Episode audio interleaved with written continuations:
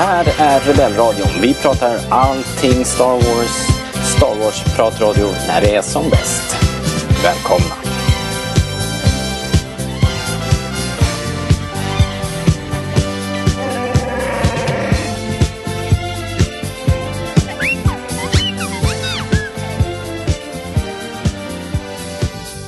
Du lyssnar på Rebellradion. Eh, svensk Star Wars podcast i samarbete med Stars.se. Uh, mitt namn är Robert och det är jag som ska guida er genom den här fortsättningen på eh, uh, vår recension av Jedins återkomst från 1983. Eh, det här är ju då del två eftersom vi uh, babblade så länge så att vi fick helt enkelt kapa på mitten. Och jag, hoppas, jag hoppas att det är mitten. och fortsätter idag. Och Linus är här förstås. Hej Linus! Hej! Välkommen tillbaka. Ja, tack. Här är jag. Ja, eh, vi kör, vi fortsätter. Det blev en tvådelad podd av det här. Eh, men det känns ganska bra. Alltså, det finns, det är någon magisk gräns där runt timmen och vi bryter ju alltid den. Så, Vi, vi har exakt samma problem på close-ups här. Ja, men ska vi hålla oss under en timme idag? För det, det är liksom tanken. Alltid 1.11. Alltid. märkligt. Det är märkligt. Vi siktar alltid på en Mm. timme, det blir en timme och en kvart. Hela, hela tiden. Och de här, förra podden om eh, Empire vart ju typ två timmar. Så nu gör vi två. Hur som helst. eh, vi pratade ju om Jennys återkomst från 1983. Vi brukar ju alltid dra en liten så här, ett litet intro om vad som hände 1983 liksom i vida världen och sådär. Men jag, jag vill minnas att du hade en grej i förra podden som tyvärr inte kom med. Eh, men du hade en, du hade en, du hade, du har som koll på eh, Per Gessle. Så här, vad han gjorde 1980. Du bara kunde Ja, du men- plocka, det kunde du plocka ur, ur minnet liksom. Så jag tänkte Då vi gick kunde... ju Gyllene Tider-karusellen igång. Då slog ju de ordentligt. 1980. Men de släppte Flickorna på TV2 december Ah. 79 och sen så från 80 och framåt så. Okej. Så det, 80 var antagligen ett jävligt bra år för Per Gessle. Ja, han var nog nöjd och belåten då tror jag. Alltså jag gillar den här idén. Det här, för Per Gessle, han är ju han är liksom lika gammal som Star Wars då typ. Alltså fenomenet Per Gessle. Så han är som en Du här, kallade honom en vampyr häromdagen. Ja exakt, han är ju som en tidsmarkör och en vampyr som går genom eonerna. Han håller ju fortfarande på att släppa skivor och grejer liksom. Fortfarande stor i Japan och allt det är, eller Sydamerika. Vad hette det, vad gjorde han 1970 då? 1977? 77, då var han ju, han gick på gymnasiet antar jag. Han var ju 18 bast då. Han Ja. hade fått 59 tror jag. Okej, Så jag vet inte. Han såg Star Wars på bio kanske. Jag vet inte. som alla Gillar han Star Wars tror du? Hmm, ja men det tror jag. Han är, han är ganska bra smak ändå, Per Gessle. Och han gillar ju dessutom hög kvalitet på saker och ting. Så att jag tror det. Jag chansar. Jag Jag har, aldrig, jag har aldrig hört honom prata om Star Wars men jag såg den här eh, TV4 gjorde någon så här timmes special eller vad fan den var, hur lång den nu var. På Gyllene Tider nu när de hade sin avskedsturné i somras. Mm. Som gick innan jul typ. Eller i mellandagen eller vad fan det var. Och, och så var det så här grej på slutet så fick de prata om varför funkar ni så bra ihop då? Och så svarade basisten Anders Herlin liksom att vi blir liksom mm, Alltså så här, vi fem blir mer än summan av delarna typ. Och då, då drog han liknelsen med, ni vet den här dödsstjärnan i Stjärnornas krig. Den har liksom strålar som går ihop och blir till en stor stråle. Det vi, sa han. There it is. There you have it. Så, så han kanske gillar det, men jag vet inte hur det är med Men Per. du, kan inte du försöka nå fram till Per Gessle och reda ut? Kolla in hur det är. Jag ska göra mitt bästa. Men eh, idag pratar vi om 1983. Vad gjorde, vad gjorde Per Gessle 1983 på hösten? Här, här kanske man har skäl att tycka synd om Per Gessle. Nej, alltså inte så synd. Men jag tänker att 77, han, då såg han kanske, låt säga, låt säga att han har sett alla Star Wars film på bio. Mm. Gick han på gymnasiet, kanske såg det med sina bästa kompisar, kanske var på dejt. Beroende på hur många kompisar han hade, kanske såg det med sina föräldrar, jag vet inte. Um, 80, då tänker jag mig att de gick hela bandet liksom, så här, gjorde ett avbrott i sin folkparksturné och gick på bio. Nej, inte, den kom, på, den kom vid jul va? I Sverige. Ja, jag Ja, det mig ja men då gick Jag för mig att det var december. 16 december är det någonting som säger mig. Ja, då vet jag inte. Då gick han, eh, ja skitsam. Men 83, Vi gissar, vi gissar lite Ja. här kan man säga. vissa lite. Eh, 83 så gjorde han sitt först, sin första soloplatta liksom, under eget namn. Ah. Eftersom resten av bandet låg i lumpen. Ja. Så varför han inte låg i lumpen vet jag inte. Ja, Eh, exakt. Han, Han köpte väl, sig ur det där kanske. Han gjorde väl som så många andra och, och eh, sa att han var pacifist kanske. Ja, kanske. Men då passade han på att göra en egen skiva i alla fall. Eh, Ja. Men då, då har jag tänkt så här. Jag, jag, vet inte exakt hur alla detaljer är med lumpen och om man får permission och sånt där. Men tänk om, eftersom alla hans kompisar i Gyllene Tider, han hade ju såklart inga andra kompisar utom för bandet. Tänk om måste- det gjorde att han fick gå på bio själv. Men när, känn, när lärde han känna Marie?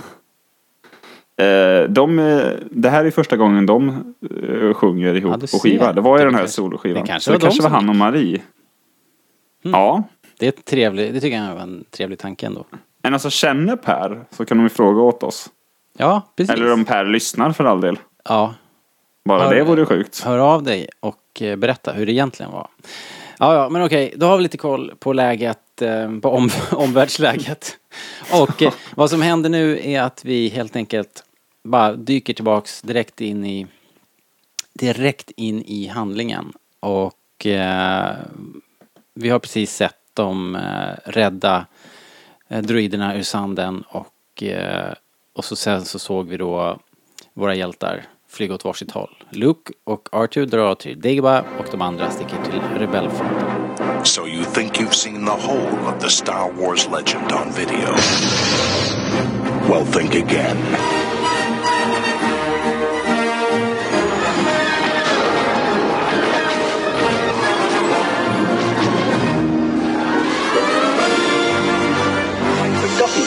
Hate space travel. Now, for the first time, you can experience the complete saga in its original format. Widescreen. Star Wars, The Empire Strikes Back, and The Return of the Jedi. The complete saga in the complete format. The Widescreen Collection. Look out for the other titles available in the series. Ja, vi är ju verkligen mitt i smeten. Luke tackar för sig, sticker mot Dagobah. Han har ju nämligen lovat att han ska fortsätta sin träning. Falken däremot med alla de andra, den drar till eh, rebellflottan. Sjukt vilket äventyr. Det är ju helt fantastiskt vilken start på den här filmen. Eh, och som vi sa så är det ju bara en stor eh, lekstuga. Det har gått en halvtimme och det har egentligen inte hänt så mycket. Vi har inte kommit så mycket framåt egentligen. Utan vi har fått lite exposition. Vi har sett att eh, Luke är ganska kapabel och, och sådär. Ett extremt tydligt akt, aktskifte också. Så här. Ja, verkligen. Nu är verkligen, nu är hela den här historien slut. Ja. Nu börjar det ni egentligen har sett fram emot i Ja, tre det, år. ja, det som man har spekulerat om liksom. Allt det här Ja, precis. Allt det här är ju... I och för sig så hade ju folk säkert spekulerat i om huruvida Hans Solo skulle vara med överhuvudtaget, men... Men, men. Ja, jo. Eh, Men t- tänk vilken sjuk grej egentligen. Så här, ja. alltså, allt, om det skulle hända idag, vilket det kanske till och med lite händer om man vill tänka så med Russell Skywalker. Men bara, ah, hur, hur ska det gå med Darth Vader och Luke och så här, bla bla bla. Sen, första typ 40 minuterna mm. så handlar ingenting om det. Nej. Nej men det är härligt ju. Och den tar ju tid på sig, den är inte så stressig och det är väldigt eh, nice bara. Det är kul. Ja, man känner ju också när det börjar att, men fan det här kommer vi, här kommer vi att vara länge. Det känner man ju direkt. Ja, man ville bara åka Eller med. så här. Så det... Jo, men eh, det funkar ju. Men Ja. det, det är så... Och jag tror, inte att, eh, jag tror inte att en nytillkommen modern tittare heller tycker att det här är för långsamt eller så. Tror jag inte va? Nej, det tror jag. Nej, det tror jag inte. Nej, jag vet inte. Eller ja, Det är ju omöjligt att Nej. avgöra som, som man sett den så många gånger. Men... tycker man det så behöver vi inte bry sig om den personens åsikt ändå. Vi, försöker vara inkluderande här. Vi säger som Fr- Freddie Prince, if you don't, if you disagree with me, go fuck yourself. Eh, hörru du, kejsaren kommer. Det här är, om Vader hade en pampig entré så måste ju kejsaren ha tio gånger mer troops och ännu blankare golv.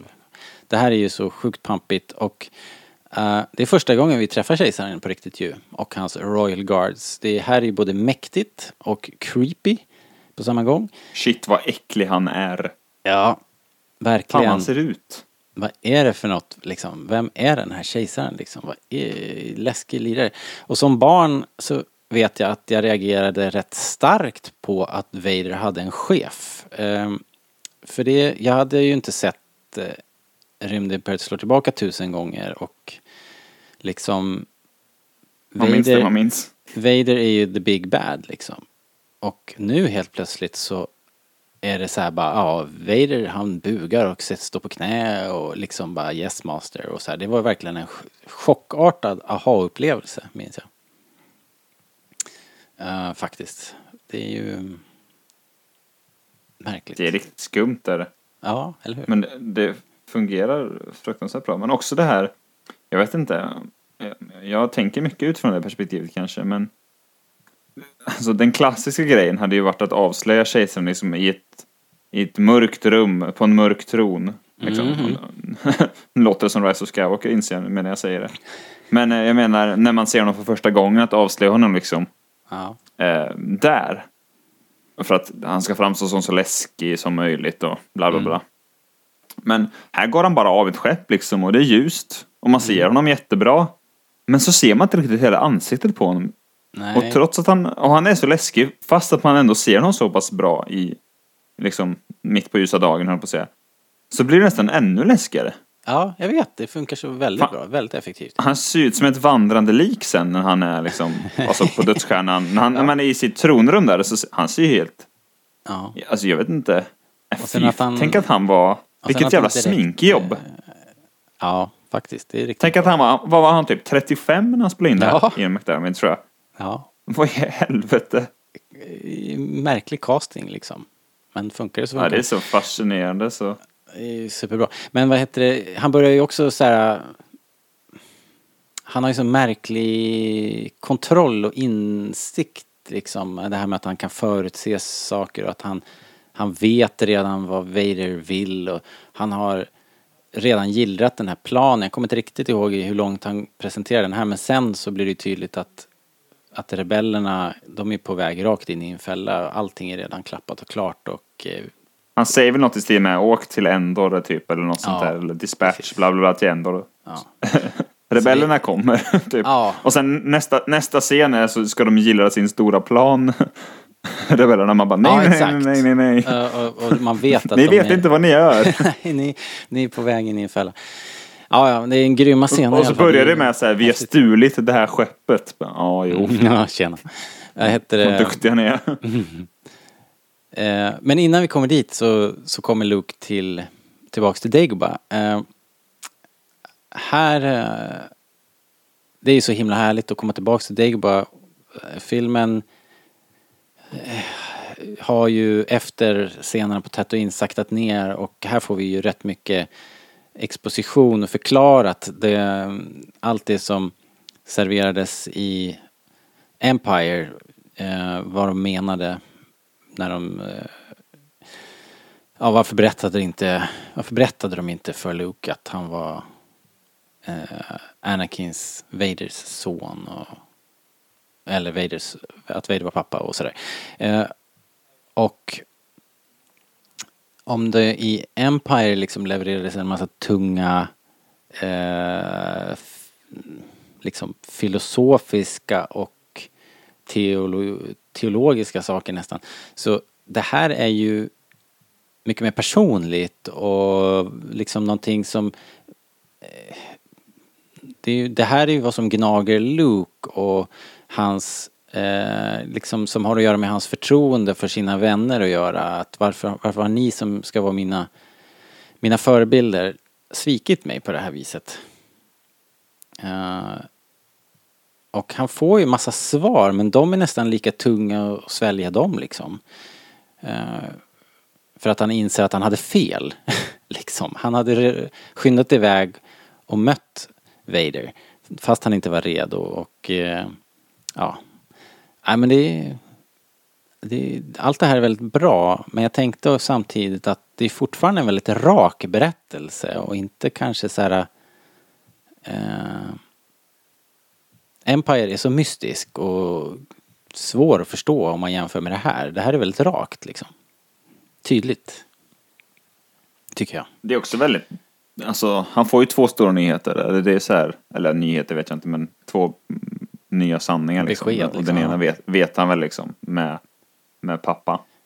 Ja. Men det är också, det blir ju det jobbigaste, det är ju precis vad Luke inte vill höra egentligen. Ja, visst. Så det, det är ett väldigt bra, det är välskrivet helt enkelt. Det är snyggt och det liksom trissar upp resten av filmen på ett väldigt snyggt sätt. Ja, Och sen får vi hela den, här, hela den här andra chocken. Som nästan överskuggar den tidigare grejen, för det var ju liksom egentligen old news. Så för att det inte ska bli en helt poänglös scen. så kommer hela Leia-grejen. ja. Det är, det, är, en häftig scen. Och sen, sen så kan inte det här alltid den vassaste dialogen. eh, kanske. Men eh, jag, jag tror att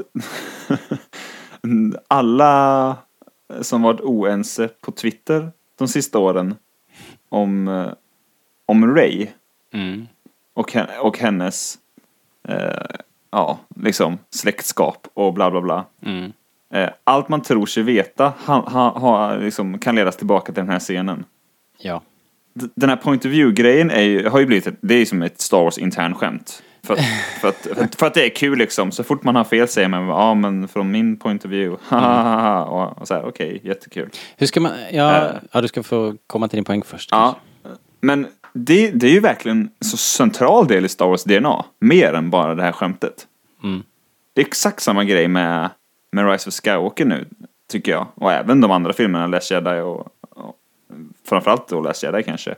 Med det här vad som är sant och vad som är din sanning och vad som är Lukes sanning och vad som är Kylo Rens sanning liksom. Ja. Alla har ju sin sanning.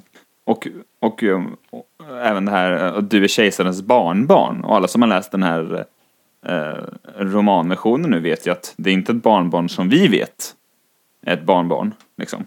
Det är inte som, som jag är liksom min mormors eh, dotters son liksom. Nej. Utan det är ju för övrigt då som jag helt rätt förutspådde och tolkade. Jag bara säger det Grattis. för några månader sedan. Tack så jättemycket. Att det var en misslyckad klons barn. Ja. Så att på ett sätt är de ju väldigt släkt, på ett helt annat sätt så är de ju inte alls släkt. Det är mer Eh, på typ en- laboratorienivå här liksom. Ja, och eh, sen så kan man diskutera vad man tycker är bra eller inte. Min poäng är att hela den här point of view-grejen, Mm. det, det, det är ju så mycket Star Wars så det, så det finns inte. Och jag tror att det är mer i Star Wars natur än vad vi kanske vet och eh, uppfattar eller, eller vad man tar för givet. Det slog mig väldigt tydligt nu när jag såg den här. Det är en av flera Okej. saker skulle jag säga som, som de verkligen har tagit och anammat som någon sorts eh, kärna i berättandet ju. Tycker jag man kan säga. Men, men hur skulle du se på det här som ett eh, eh, ur en mora, moralisk eh, synvinkel? Är det, har de gjort rätt här? De här gamla jedi-riddarna, mästarna. De, de har väl, jag tror att det är så här att de har ju fuckat upp Lukes personliga eh, välmående. Men kanske räddat galaxen eller, eller, rebell, eller rebellerna på något sätt. Mm, vi var ju inne på det i förra filmen att eller det var ännu tidigare va? Det var när vi pratade om A New Hope att redan då så, det är ju då han håller inne med informationen och eh, eh, ja det rullar ju på liksom. men, men redan där om, om, om Luke hade fått reda på det här i Episod 4 så hade ju då hade ju den här historien varit över. så att de har ju rätt. Det hade varit för tungt liksom.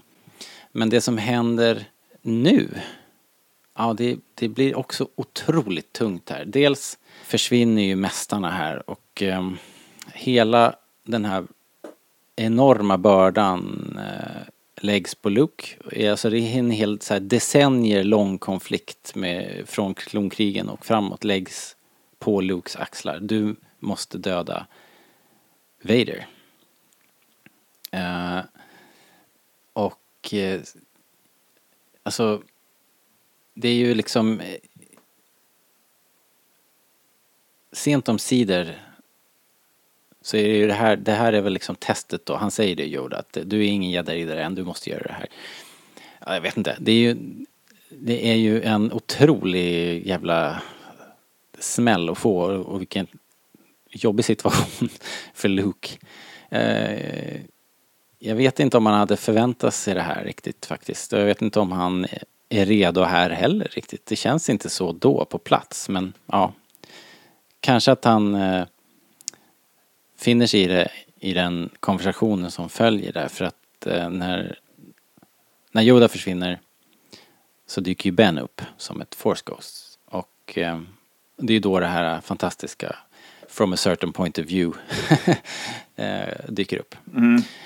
Eh, ja, jag vet inte, jag tycker det är svårt eh, för att det är ju såklart inte rätt att undanhålla och ljuga men eh, men i det här fallet så är det svårt att se hur de skulle ha, ha gjort det. Eh, Men det är nog inte helt Du menar in universe? Att, in universe så är det... Ja. eh, Alltså de, de sitter i skiten hur de än gör. För att, Ja, och, men att de de tar hade sig väldigt berättat- stora friheter med Luke helt enkelt. Och, och det vet jag inte Ja. om man... Det, det är ju inte rätt liksom, men ja. Men om vi gör så här då. Låt säga att Luke eh, får reda på det. Ja, vet han? Obi-Wan berättar hemma hos sig i fyran. Mm. Så här, okej. Jaha, men varför har, har alla sagt till mig hela mitt liv att mina föräldrar är döda och varför bor jag här? Så då, han blir ju, Ja. alltså han blir ju arg hur han än gör. De sitter, det, det är ju pest eller kolera bokstavligen liksom. Eh, så som Ja. omständigheterna är liksom. ser ut med Jo, ja, hela, hela episod är tre. att, ja, absolut så är det. Men det, det jag menar är att Luke är ju helt omedveten om eh, det här ansvaret som, som vilar på honom liksom och eh, eh, Yoda och Ben och de andra har ju, har ju redan bestämt att vi, vi ska spela korten så att Luke uppnår den här potentialen så att han kan möta Vader. Eh, Det har ju de på något sätt redan bestämt. Eh, Att det är, det, att det är så Ja, de ska jo. försöka spela det här liksom. Eh, Och Ob- Obi-Wan tror ju, om man nu vill ta Rebels i, i, liksom, i åtanke, att han är Mm. the chosen one liksom. Eh, Exakt. Så det här är hans, det här är hans diamant. Han kan inte, han kan inte wastea det på något fa- familjekäbbel liksom. Men Så ur den- den synvinkeln och Bens synvinkel så finns det bara den här vägen att gå.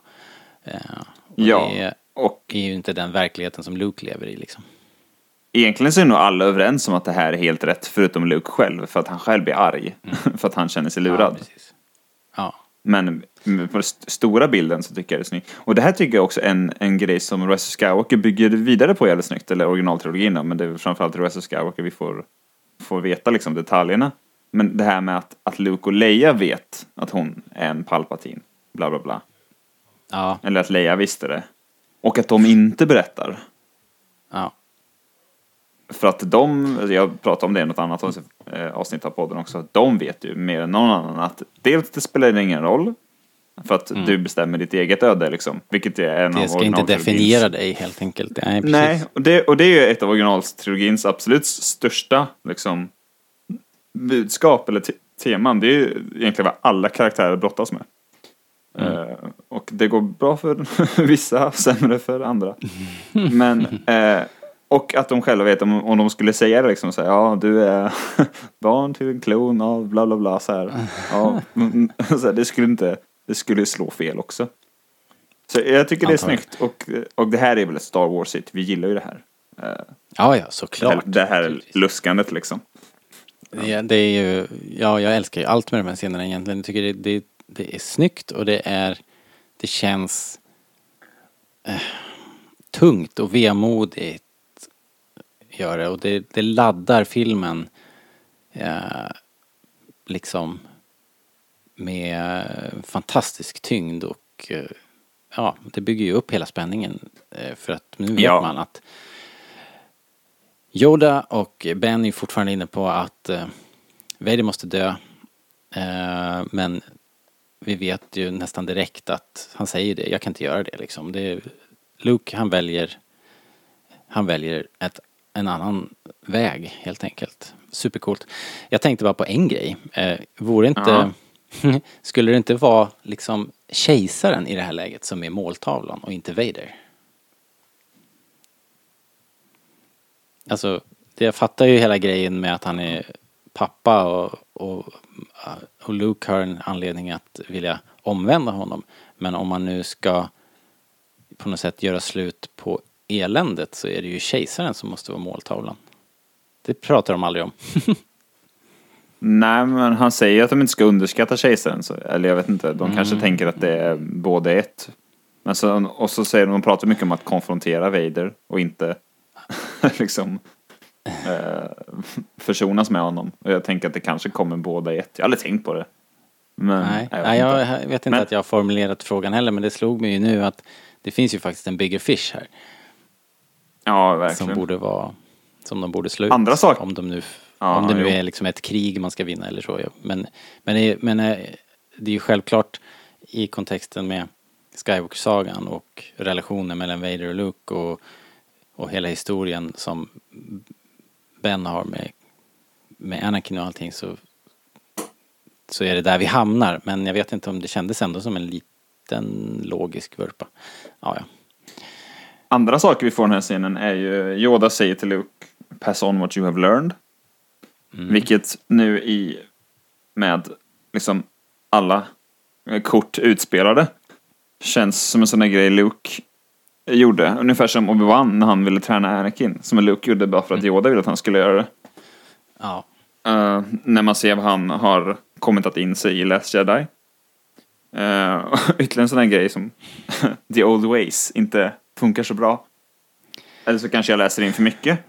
Nej men det, det är väl bara att eh, och Yoda har ju insett det också i The Last Jedi att eh, det, är, det är inget fel att föra det här vidare men det måste också utvecklas. Um, Fan, att Last Jedi blir fan bättre ju mer jag tänker på den. Jag ser fram emot när vi ska göra ett avsnitt om den måste jag säga. Den innehåller så himla mycket godis. Så det, det, Den är, så, jag, den är klipsk också. de där bitarna är, är riktigt bra. Ja, vi Eh, kommer dit en vacker Och sen så var det en sak till jag tänkte på. Som är så här en typ en sån där replik som jag tror att när man skrev den att man aldrig förstod liksom hur stor inverkan den skulle ha. Och det är den här om Anakin skulle få några barn så visste så här, både kejsaren och precis som vi liksom att de skulle vara ett stort hot, bla bla bla. Mm. Den grejen. Det är liksom en replik från Obi-Wan som har fått alla Star Wars-fans någonsin i hela världen någonsin att tro att man måste eh, ha, alltså har man kraften så måste man ha det för sina föräldrar. Eh, Trots att, trots att konstigt Anakin att- själv, trots Ja, att Anakin själv i Episod 2 säger att nej, det är inga jedi som har barn. Alltså, Nej, ja, ni fattar själva vart jag är på väg. det Eh, det är så här, för man, jag tycker man märker fortfarande att allt, alltså allt som spekuleras eh, kring liksom, på nätet nu, och det tycker vi om att göra i, vår, i vårt forum och vart man än håller på, eller man bara följt det här sedan Star Wars kom tillbaka för några år sedan. Att, att eh, en replik från en karaktär tas som en universell sanning liksom, i Star Wars. Det är ju Eh, ett vi jättevanligt misstag. Ja, precis. Man bygger Ja. upp ett helt argument kring den där repliken. En, en, en hel världsbild liksom. Och eh, det har ju George Lucas rivit ner så många gånger. Eh, och, och eh, bara, nej men så är det inte liksom. Vi, Bara vi pratade jättemycket om det i förra filmen, eller förra avsnittet om Empire. Bara för att den här enskilda liksom, officeraren i, i Imperiet säger att eh, inget, i, inget sånt där litet skepp har en cloaking device. Bara, nej men så är det inte. Det är, han kanske inte var helt up to date liksom. och så gör de ett, ett avsnitt i Clone Wars med ett, eh, ett skepp som har en cloaking device liksom. Cat and Mouse. Ja, Men- ett helt mysigt ubåtsavsnitt. Det är faktiskt riktigt kul. Det är väldigt mycket Wrath of Khan över det avsnittet tycker jag. För det som gillar Star Trek. Jaha, Eh. okej. Den, det har jag inte snappat upp kanske, men det är definitivt en ubåtsfilm liksom.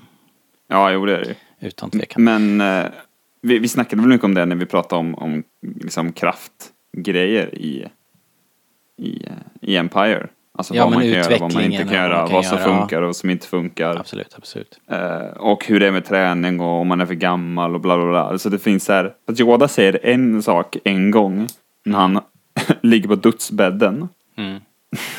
Då är det sanning Det är inte tusen år av berättande sen. Trots att Exakt. vi i den här filmen också får det här from a certain point of view talet som ju liksom borde eh, Det sätter ju egentligen borde ju varningsklockorna ringa liksom. Att eh, det kanske inte är det här kanske inte är liksom den enda sanningen som ni hör nu. Ja, ja. Vi ska gå vidare tror jag. Kejsaren... eh, Nej, nu ska vi se. Vi ska inte hoppa över Mon Mothma och Admiral Akbar och hela exposition bonanzat eh, i rebellflottan här med energiskölden, skogsmånen Endor. Calrissian blivit general och han har gjort någon jävla manöver och eh, ja, det händer mycket här på kort tid. Fantastiska scener. Eh, och hela gänget samlas igen. Det är också nice. Det är kul. Eh, och jag får... Det har man väntat på sen. Sen 1980, höll jag på att säga. Ja, precis. Sen, sen, sen, sen Hoth har man väntat på det. Sen Hoth. Ja, så är det. Och så får vi det här fantastiska eh, 3PO-citatet. Exciting is hardly the word I would choose. Eh, också någonting som jag skriver och citerar dagligen nästan. Han... Ja, jo. Det skrev du till mig häromdagen tror jag. Ja, du ser. Men vet du vad jag gillar med den här scenen? Få höra. Ytterligare en sån här grej. Det känns äkta om man vill veta mer, som vi pratade om med Malakili, Rancorn-killen. Ehm, att den här liksom briefingen de har, den börjar ju med Mon Mothma och hon är ju omedelbart ikonisk. Hon ser ju så jävla cool ut. Spelad av Caroline Blackiston, tror jag hon heter. Ja. Bara det. Japp. Eh, och hon lämnar över till Admiral Akbar. Och det är Admiral Akbar. Som i sin tur liksom lämnar över till General Nadine. Japp. Som sen lämnar över till Han Solo. Jag vet. Det känns... Det, det är alltså fyra karaktärer. Så det känns så jävla stort. Och man säger, ah, men jag vill veta mer om General Nadine. Ja, ah, Akbar fick ett sånt skepp. Och vad gör Mon Mothma? Varför är inte hon med i, i Force Awakens? Så här, det finns så mycket att veta. Så här, Det är många så personer Bra. liksom. Jag tänkte också det. Hela den här presentationen är så jäkla ultraproffsig liksom. Den är så jävla bra. Det är så en stor operation så det kan ju inte... It, it, det är så här, det är så här, det är för stort för en enda hjärna att förstå. det, måste, det måste vara fyra som presenterar. Ascoolt. Det var en sån, det var en aspekt vi snackade ner lite med Rise of Skywalker väl, att det är ingen som har koll typ så här att eh, så bara, ah, vad ska vi göra? Jag vet inte. Och sen så slutar det med att Finn säger Now we take the war to them och det är liksom hela taktiken. Ja. Och det, det känns mycket lökigare och smörigare än det här som är Ja. Det är superroligt och coolt och häftigt men det känns också Det känns som en riktig, jag vet inte hur det funkar i militären men Nej, ingen så här skulle det säkert kunna funka tänker jag. Men det skulle Ja. inte kunna funka så som Finn gör liksom. Det hade, nej, exakt, den scenen som du refererar till i eh, The Rise of Skywalker hade ju blivit Den är sämst. Den hade blivit mycket bättre om rebellerna hade haft full koll. Så det här ska vi göra och, vi, och nu gör vi det på det här viset och vi har de här grejerna och vi ska spränga den där så att den där exploderar liksom. Eh, det hade gett... Vilket de ju också gör, lite, men verkligen inte på det här coola sättet. Nej, jag håller med. Ja, ja. Det är lite såhär, åh jag har en idé. Vad sägs om vi spränger ett torn? Okej, har någon något annat? Nej, okej. Och det, Liksom, eh, och det blir, ja. ja. det är inte lika bra i alla fall. Eh, men du, de lämnar över Falken till Lando. Eh, det här är också nice. Eh, det är också en sån här spinner vidare på den här gamla historien man har ju fått så himla lite, men man vet ju på något sätt att Lando har ett claim på Falken och nu bekräftas det igen här. Det är en callback till Empire och det är riktigt, riktigt nice. Och eh, Det laddar ju också det här som komma skall med lite mera... Eh, man vet inte. Hur ska Lando, kommer han att överleva det här?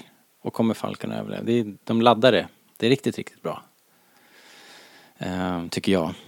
Det är en liten favoritscen Ja, det är faktiskt. Det är, jävligt bra. lugnet för stormen och det är bra. Och ytterligare en grej, man vill veta mer. De pratar om Battle of Tanab. Mm. Vad fan är det? Vad fan är det för något? Vad fan är Tanab? What's a tanab? Eh, Ja. ja, det, det är riktigt bra. Men också, vi pratade väl om det i förra avsnittet. Det känns som att jag börjar varje mening med. Vi sa väl det i förra avsnittet. Men vi, vi pratade om hur mycket känner Lando och Han egentligen varandra. Ja, är inte det. det uppenbart här att de, verkligen är, att de verkligen är kompisar? De har ju träffats mer än bara i solofilmen. Här har de ju strukit ett streck över saker och ting. Det har vi också nämnt någon gång att eh, sist de här två träffades så var de inte bästisar. Eh, Nope. Lando hade just förrådet och frusit ner Han. så att, Oftast så att, eh, dålig stämning. De är inte så här, man, man får ge liksom Hans Solo det i alla fall att han är inte en som hyser eh, så här gammalt groll. Eh, Innerst inne så vet han att han själv skulle gjort samma. Ja, det är väl det liksom. Faktiskt. Ja. Väl spelat kompis. Det är Respekt. den där uh, hederskodexen som tjuvar har. Ja. Så här, ja, jag kan ju bli imponerad. Liksom. Backstabbing bastards, all of them. Okej, sen borde de i den här ascoola skytten Tiderium ehm, eh, snacka om en biroll, men den är ju grym liksom. Alla vill ju ha en Shuttle Tiderium. Tänkte du också på det? Det har jag aldrig noterat förut, tror jag. Att eh, den här koden de behöver, Mm. vi ser exakt hur den processen funkar i absolut första scenen också. När de knappar in en liten kod och bara, ja, ni kan passera.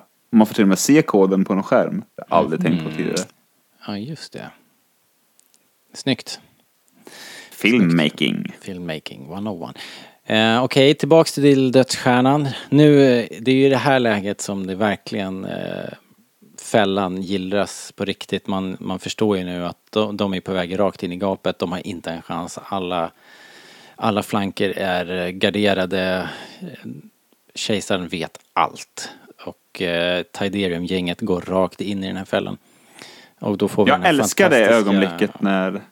Ja, fortsätt. Eh, nej men då får, vi får den här Jag skulle scenen säga det jag skulle säga. där de, där de, de pratar med skeppet, Vader är där, Luke är där, de känner av varandra. Eh, den här officeraren, är det Piet va, som är så jävla bra? Eh, nej, Ja, det är det. ja. Så här, shall I hold? Nej, jag tar hand om det här själv. Liksom. Ja, det är grymt. Och sen så får vi den fantastiska Flyg som det regnar. eh, översättningen. Tack, eh, tack. I don't know, fly Olof, casual. Eh, Lars Olof Skeppholm, tack för allt. det, det är så härligt med heistfilmer är ju bra därför att det går åt helvete liksom. Det är det som är roligt på något sätt. Det är ju poängen. Ja. Har ni sett Jönssonligan? Jag har en plan. Varför ligger ni ner? Res på er. Shit, en Jönssonligan parallell. I have a plan, Chewie. Frans Jäger, skåpet. Eh, Jönssonligan på Mallorca. Vad är det för motsvarighet tror du? Är det... Är det, det måste ju vara... Nej, det måste ju vara Scariff.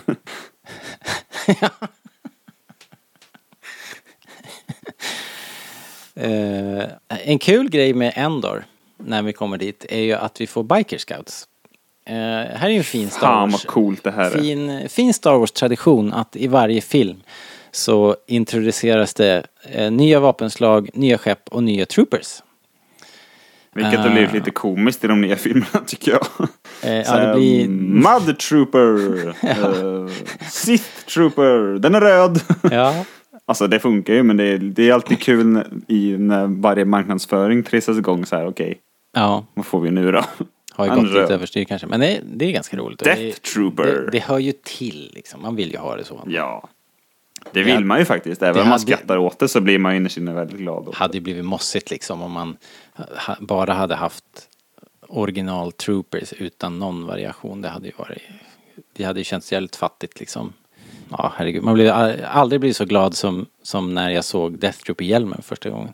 Så jävla Och de, de kan ju dessutom inte, eller man, man hör att de pratar men man hör inte vad de säger. Det är så jävla snyggt. Ja, Det är också en cool twist. Riktigt snyggt är det. Ja, ja. Hur som helst. eh, De, nu är de ju nere och smyger på Endor och vi... Och det går ju bra ända till Solo ska göra sin grej. Eh, han klantar till det och eh, larmet går.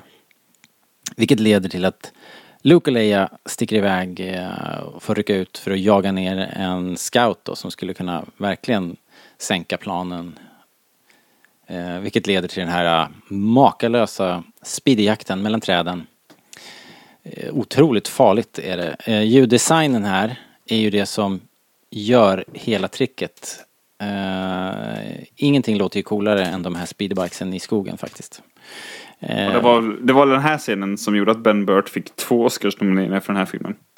ja, antagligen. Både mixning och design. Helt. Det är så jävla... De vrålar verkligen. Jag, det här tycker jag nästan är den bästa i hela filmen. Det är ju något djuriskt inblandat också som det så ofta är. Han gillar ju att mixa in någonting biologiskt på något sätt. Eh, Vi skulle haft Daniel med här. Han är expert på det här. Det väldigt eh, fräsiga ljud får man ju säga. På de här fräsarna. Verkligen. Eh, Det går ju går ju lite bra, lite dåligt. Leia kraschar, tuppar av. Luke parerar skotten med, på den här sista speeden. Det är ju ett sånt här ögonblick som jag tycker är makalöst coolt. Eh, och något som Star Wars gör så himla bra är att man känner att de här skotten har en vikt på något jävla märkligt sätt. De liksom, det är liksom bett i de här eh, laserskotten. Jag vet inte hur de åstadkommer det men jag misstänker att det är Ben Burt som gör det. Eh, jävligt coolt. Uh, eh, ja, Leia försvinner ju vilse i skogen, träffar den gulligaste karaktären av alla, Wicket the Ewok. Uh, jag råkar ju faktiskt tycka det. Jag tycker, jag tycker faktiskt att Wicket the Ewok är fantastisk. Jag tycker det funkar. Han är helt underbar. Det är så himla konstigt ju. Uh, det är något med språket och något med ansiktena på Ewokerna som funkar. Det är ju liksom helt uppenbart att det är personer i nallikostymer med dragkedja på ryggen. Men, men det funkar liksom. det är märkligt alltså. Kardborreband kanske, jag ser inga dragkedjor. Nej, det är skickligt. Charmigt, hela den där scenen på när de sitter där och har picknick på stocken i djungeln. Det är väldigt charmigt. Eh, den där scenen återspelade ju, de spelade upp den där när eh, Carrie Fisher var på Celebration i Eh, jag tror det var i Essen och eh, Warwick Davis var, var ju värd för det där. Så då spelade de upp den där scenen. Och eh, Carrie Fisher överraskade med att rulla över soffryggen. Hon satt på soffan och, och, läste dialogen och sen så när det här skottet kommer och det så kastar sig eh, Carrie Fisher över soffan liksom. Eh, över ryggen på soffan och i, i skydd bakom liksom. Det var roligt. Um, vad tycker hallå, du om... Är vad tycker du, vad, grej? Vad, du? Du är ju en annan generation. Jag vad tycker du om evokerna? Alltså på, på många sätt som är jag verkligen en helt annan generation. Så jag, i det här fallet nästan alltså samma som du, att jag såg det när jag var fem. Bara att året var ett annat. Ja, nog, min poäng är att jag nog hade egentligen samma perspektiv som du tror jag. Mm. Så jag, alltså, jag ska aldrig säga att det är mina favoriter, men alltså, jag gillar dem så. Mm. Um, och har egentligen aldrig tänkt på att de skulle vara dåliga eller tråkiga förrän jag började härva runt, eller harva runt på YouTube typ. jag bara, Nej, exakt. Gillar, inte, gillar inte folk dem? Nej. Ha. Tänkte jag. Ja, ja, de är coola. Men nu, nu för tiden så uppskattar alltså han är ju fruktansvärt söt. Warwick ja. Davis spelar ju så otroligt bra. Jag tycker också det. Bara, han pratade ju någon gång om att han, han det skulle egentligen varit Kenny Baker, men han blev sjuk eller något. Eller vad fan det var. Men då hade de ju Warwick, Warwick ja. Davis, han skulle bara spela någon annan Ewok, men plötsligt blev han ju huvudrolls-Ewok. ja. Kenny Baker var magsjuk eller något. Ja, det kanske var. Men, men, eh, och jag minns att han pratade om att de hade en hund hemma liksom. Mm. Som, som ofta gjorde, när den tittade på en eller vad fan det var, men ofta så, så vred den liksom på huvudet sådär när den tittade. Ja. Ja men, ja, men det kan jag göra liksom. Och det, och det gör han ju hela tiden. Ja, han har verkligen, ja för det funkar jättebra. Rörelseschemat är ja. bra och, nej, jag, det är genialt. Jag tycker det är skit. alltså det, det är verkligen, eh, tycker jag i alla fall, en grej man kanske tar lite för givet. Men han är idiotbra spelad Wicked liksom. idiotbra. är det, det är jättesnyggt. Är, är det en sån här grej som du säger till dina skådespelare i dina filmer? Så här, nu, det där var idiotbra. Du måste spela idiotbra. Måste, tänk, tänk lite Warwick Davis. Säger det där var bra, men nu vill jag ha det idiotbra. Kom igen ja. för fan. Ja, ja. lite mer eh. e-bok. Men jag tycker att han är verkligen mer, sen är det såklart man kan tycka att han är med mycket mer, men han har verkligen en tydligare karaktär med än de andra e-bokarna. De går ju alltid allihopa lite samma sådär. Ah, får väl inte chansen. Va? De får inte nej, nej, men, äh, nej, nej. Men, men när de springer runt och sådär. De sticker ju inte ut på något nej, sätt. Även nej, de han har karaktär. Helt klart. Ja, sen tänker jag mig också nu för tiden. Mm. Att, det är att det är ytterligare en sån här grej som äh, filmen gör som liksom vänder förväntningarna över ända. Man tror att liksom hon ligger avsvimmad. Då tror man att det ska vara eh, antingen ett läskigt monster eller någon stormtrooper som hittar henne så måste de frita Leia. ja, liksom. just det. Eller, eller något sånt. Så är det de här, de här björnarna som liksom när allt konstigt eh, har lagt sig eh, vinner kriget åt dem liksom. Ja, precis. Eh, det, Det är skitsnyggt. Vi, vi, vi kommer till det. Vi, ska, vi måste höja tempot, är jag rädd. Vi, vi tycker ju Det förstås tänkte att det jag också är- när vi pratade om Jabbas plats i en timme. Ja. nu är Eh, det kört.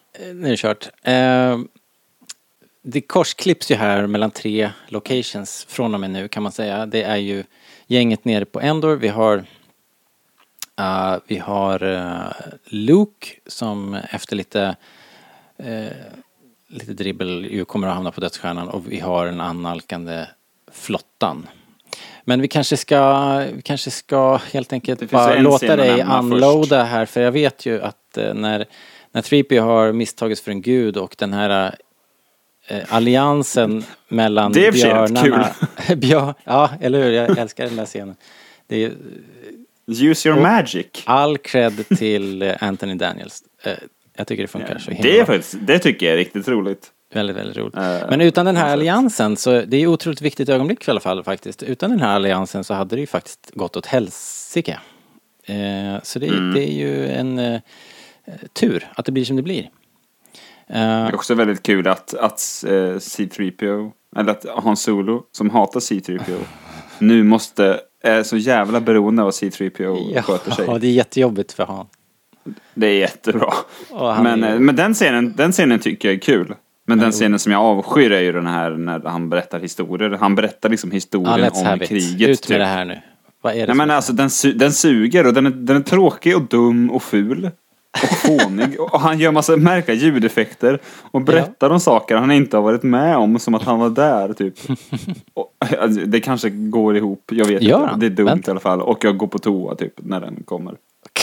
Men däremot scenen efter kanske vi bör nämna innan vi går in på slutstriden. Vilken är scenen när Luke och Leia pratar där på den där. Ja, exakt. Det är ju den är svårt, fin. att, svårt att hoppa över. Det är en fin scen och det är ju en, en sån här uh, scen med uh, blytung exposition också eftersom Luke levererar det här att uh, de är syskon och han frågar om Leia har några minnen av sin mor och det är väl kanske ett av de mera uppenbara kontinuitetsproblemen i hela filmserien att hon faktiskt har minnen av sin mor och sådär. Ehm, vilket inte Jag tänker riktigt. mig att det är att det är en sån här force-grej. Det Ah, kanske är det bara är jag som nice. försö- försöker hålla ihop liksom mitt Star Wars. Ja, men eh, precis. så, så, Man får jobba hårt Nej, men, som Star Wars-fan. det, det kan ju vara så. Och det är säkert så.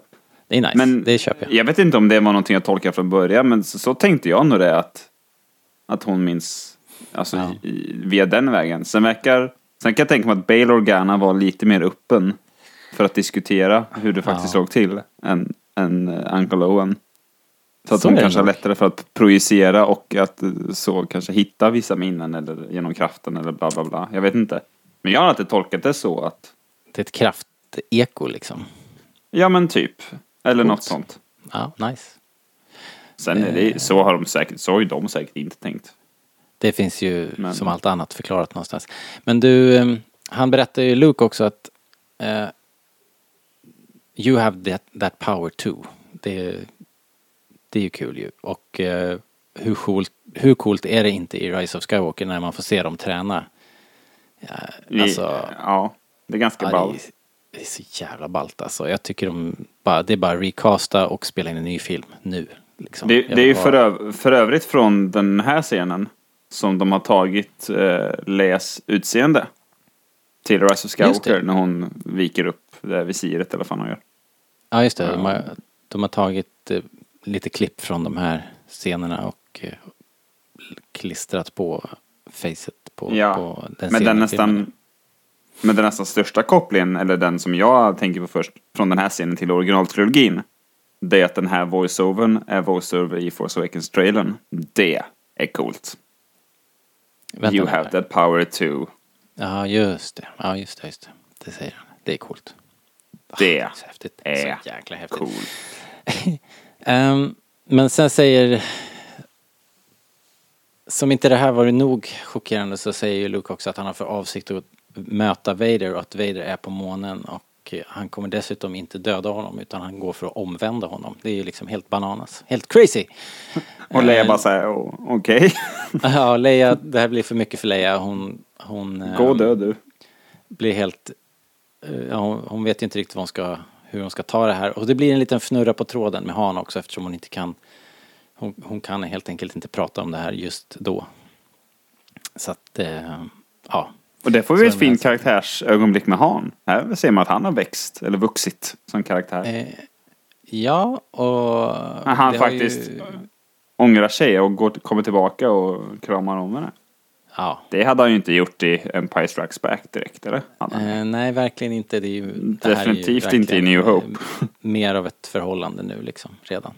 Det är nice. Det är trevligt. Ja, i, i New Hope hade han ju skickat in henne i en escape-pod liksom. Eject. Ingen gråter på mitt skepp. Nej. Han, har, han har hittade sina känslor i, i karboniten. Ja, han är Eh. annars, det tåls att säga, han är annars väldigt anonym i den här filmen jämfört med de tidigare två. Mm, ja. är han inte det?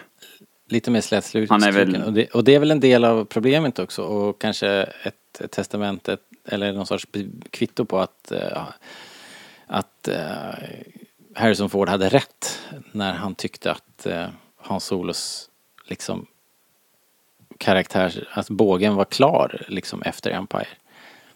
Eh, Mm. Det ligger något i det. Faktiskt. Men det är klart Var det inte det han... Var det inte just det här som Gary Kurtz och George Lucas rök ihop? Angående, det var därför Gary Kurtz hoppade av Return of the Jedi tror jag. Jaha, okej. Okej, ja, jag Alltså, pro- det är alltså producenten för er som inte vet. Han producerade de första två. Men inte den här. Nej, Jag just tror det. att de det var väl också att de... oense var, om eh, ja. hur, De- eh, hur mörkt slutet skulle vara. Lucas ville att det ska vara lite fluffigare. ja, alltså George ville ju inte döda någon och sen så när de dessutom och kläckte att de skulle ha ytterligare en dödsstjärna då tror jag Kurtz tyckte att okej, enough is enough. så att, Ja, ja, det har du rätt i. Så var det.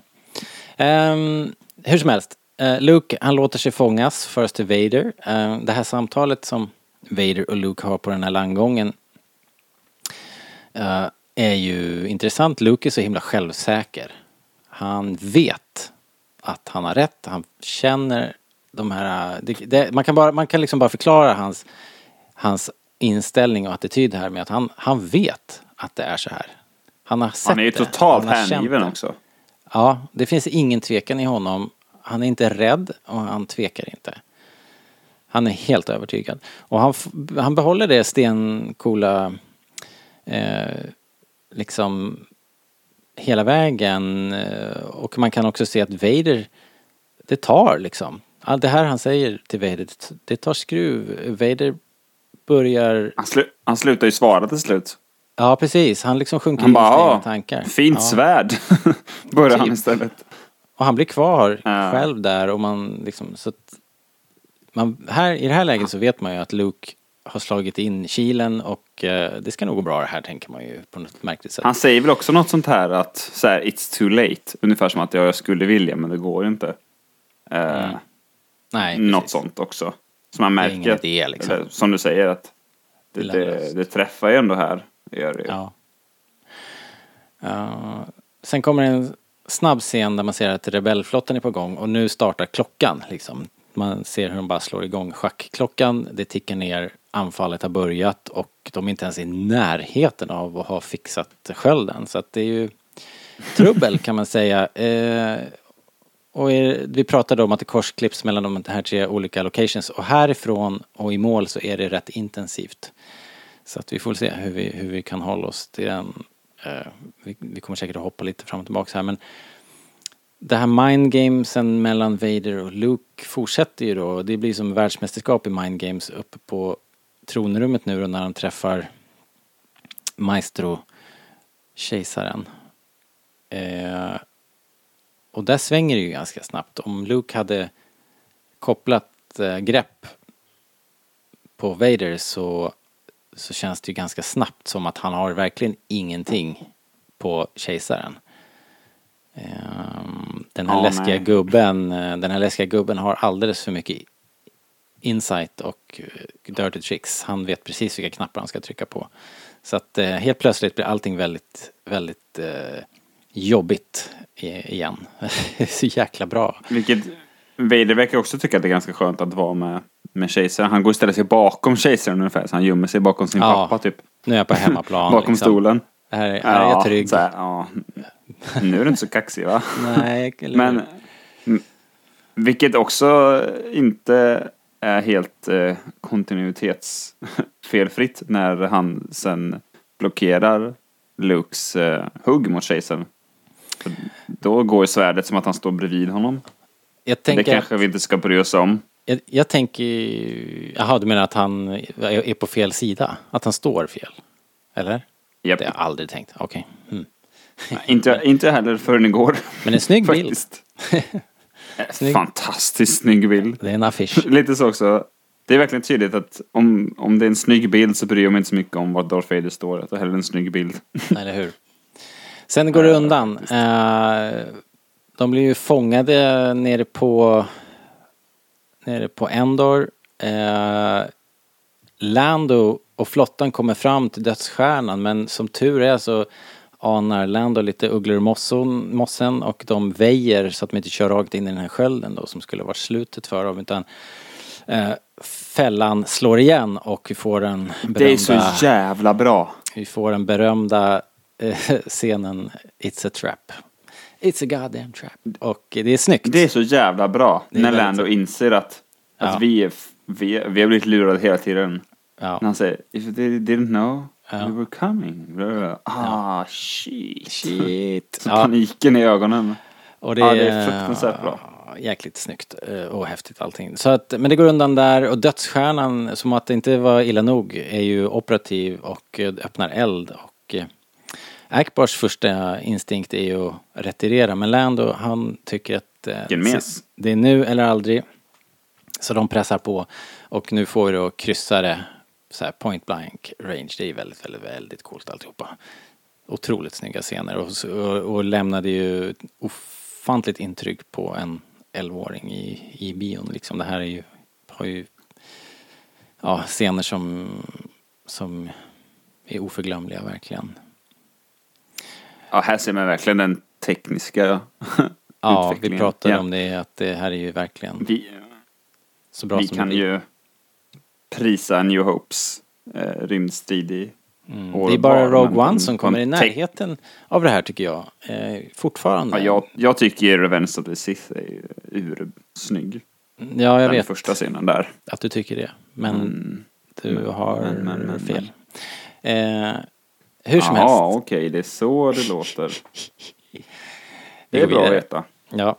Eh, I alla fall, eh, det brakar ju löst där nere på månen och tack vare evokerna så, så vänder de ju på den här steken till sist. Eh, och faktiskt Chewie med den här kapade ATSTn som ju är nyckeln till framgången till slut. Det är lite kul. Chewie får något, att göra.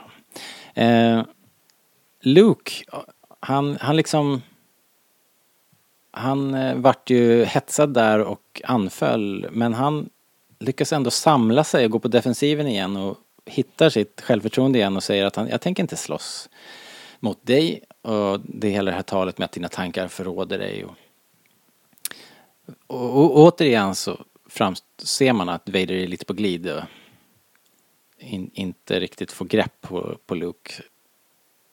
Väldigt bra. Ehm, Mm. Och jag- Och jag tycker det är coolt när han hoppar upp där. Eh, sin Ja. jävla bak, bakåtflipp. Ja. Bla bla. Och också sjukt, sådana där hopp har vi aldrig sett Star Wars tidigare. Det tycker jag är riktigt snyggt att det kommer mitt i den här striden. Det Ja, tycker det- jag är riktigt snyggt. Och sen att Vader kastar svärdet. Vad, vad fan är det som händer? Ja, det är, det är en bra fight. Det är bra, men här är ju Lukes plan är ju lite grann att bara... Det finns, det, det, är lite, det finns ju en tanke om att han vill omvända Vader. Men samtidigt så verkar han ju ha en tanke med att han bara ska dra ut på det på något sätt. Så att rebellflottan hinner göra sin grej. Och, eh, Jag tror att det är lite både och. Han, han vill väl... Det låter det. Eller hur? Det låter så. Ja, han, ja, men han vill väl försöka liksom... Han vädjar väl till Vader och säger ja, men då får du döda mig då liksom. Ja. För jag tänker inte. Nej. Och sen hoppas att han inte ska göra det. Ja. Och det verkar han ju inte vilja göra heller. Eller till slut så kan han ju inte för att Luke är ju... Liksom Ja. dansar lite på linjen där mellan mörkt och... Mörkt och gott. Eller mörkt och ljust eller vad man vill kalla det. Det är ju svårt att veta Ja. riktigt vad Lukes egentliga plan är. Det, för det, det framstår ju som naivt att tro att han ska kunna klara av det här. Men samtidigt vill han inte spela spelet och han vill inte anfalla utan då, so be it och då får jag väl dö här på, på dödsstjärnan och ta, Tills han börjar hota Leia. och ta imperiet med mig. Ja, precis. Den knappen eh, var väl inte Luke riktigt eh, beredd på helt enkelt. Han känner väl att han sviker Leia också på något sätt. Eh, Mm. en annan grej som händer här i korsklippningen är att de faktiskt eh, sätter ut sprängladdningar och eh, i den här bunkern då som kontrollerar skölden och eh, det är så skönt att Hans Solo springer ut och gömmer sig typ bakom en lövhög och sen så ser ut som de spränger en mindre atombomb liksom. He- Hela horisonten blir en eldboll liksom och Hans Solo tittar fram bakom lövhögen bara va? Det gick ju bra. Han har ju satt, han har satt de där laddningarna. Han vet hur de ska, han har ju koncentrerat den här explosionen. Han vet vad han gör. What are you looking at? I know what I'm doing. Hur som helst. Eh, Eller? Skölden är nere. och om det var coolt förut, ja då blir det ultra coolt nu. Eller vad sa du? Idiotcoolt blir det för de flyger nämligen in i dödsstjärnan. What? Hur är det möjligt? Det är sjukaste vi har Det är sett. nästan coolare än rännan alltså. Det är coolare än rännan. Det är det, ja det kanske det är. Eh, Jag håller det här som det coolaste som finns. Det är så våldsamt häftigt och snyggt. Eh, Och antennen på falken åker. Det är coolt. Jag kan inte, det är svårt att sätta ord på, på det här för att eh, det är en sån brutalt häftig actionscen bara som är eh, allt, jag tycker de gör allt rätt. Jag tycker det är supercoolt. De sänker Den är den här rolig på Super tv-spelet Star också. Destroyern också. Rebel Strike. Ja. ja, just det. För det som... Uh, Superstar Destroyern kraschar. Det här är ännu en mega-explosion. De spränger ju, vi var inne på det sist här, att det, de spränger saker i den här filmen alltså. det är mycket explosioner. Det som framförallt är coolt med den Superstar Destroyern går sönder, för den går ju sönder mot dödsstjärnan. Ja, Och den bilden är som, man ser hur liten Superstar Destroyern är i jämförelse med dödsstjärnan. ja, Och sen har man i en och en halv film fått se hur små de här vanliga Star Destroyern, liksom skeppen är jämfört med Superstar Destroyern. Och så har man den här första bilden ur No- New Hope i bakhuvudet liksom. Ja. När den känns enorm. Hur jävla stor är dödsstjärnan? jag Eh, gjorde ju... Och en, yt- ytterligare en sån grej när de kommer, när de har flugit igenom den här tunneln liksom. Ja, eh, dödsstjärnan. Eh, och så kommer de liksom ut till det jättestora där de skjuter och vänder. ja. Som är helt enormt också i det här stora, stora skeppet. Då fattar man hur stort det är. Det är så jävla häftigt. Det är Det är, det är bara extremt jävla coolt. Skalan i Star. Wars gör ju att det blir... Eh, och de har lyckats, det, det är väl det som är så coolt, att de lyckas eh, eh, presentera det så att man faktiskt upplever det som att saker är stort. Man upplever inte som att det är små modeller, i alla fall inte i så stor utsträckning. Utan det funkar ganska bra liksom. Man får en känsla... Karaktärerna av- tycker det är stort också det gör ju mycket. Man får en känsla av att det är stort. Ja, precis. Look at the size of that thing. Jag måste bara- Och sådana där grejer. en callback till våran live-show på Comic Con. Där vi hade en fråga som Men just det, med, det var så jävla med. The Executor och jag hade inte researchat det tillräckligt långt, eller tillräckligt bra. The Executor är ju enorm. Den är alltså 19 kilometer lång om jag har tittat rätt idag. Det är nästan två, Är mi- det su- två mil Super Star Destroyer. Är den så stor? Ja, om jag har kollat rätt. Det fanns så många Superstar Destroyers. Men jag tror väl att det här är The Executor och då i så fall så är den 19 kilometer lång och har 279 144 pers ombord när den störtar. Det är en tragedi. Av enorma mått, Ja, eh, faktiskt. säg dödsstjärnan på det. Och så dödsstjärnan på det. Fy fan, de här jävla terroristerna. Eh, Luke, Men fan vad coolt det är när, eh, när de sänker eh, Star- Superstar Destroyern med den här kamikaze-piloten. ja, han... Eh, de, de, verkar, Ja, men- de verkar ha jag- det lite som, det är inte, jag- det är inte det enda gången man ser en, en skadad eh, Rebel Fighter som, som eh, liksom i, som sin sista eh, grej liksom väljer att sätta skeppet i en Star Destroyer. Det, det händer flera gånger. Är det här meningen? Eh, jag, tycker, Jag och min storebror tvistar så om det här. jag tror ju inte riktigt det. Det känns inte som det. Jag kan möjligen sträcka mig till att han har redan blivit skjuten, inser att han kommer krascha och då ändå säga ja men då kan jag försöka styra lite Ja. in där. Det tror jag. Men min storebror, tror jag, senast vi pratade om det här, hävdar att det här är hans plan hela tiden. Okej. Det tror inte jag. Det kan ju hända att eh, de upplever slaget som så eh, kört att de helt enkelt bara tar till eh, de mest extrema manövrarna här och, och offrar sig själva. Men det är, så har jag aldrig riktigt tänkt på det. Utan det är, mer, det är mer att det bara råkar hända och eh, eh, ja, det får ju fantastiska konsekvenser.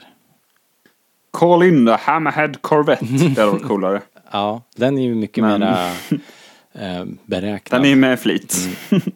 Ja, ja. Men, Eh, vad heter det?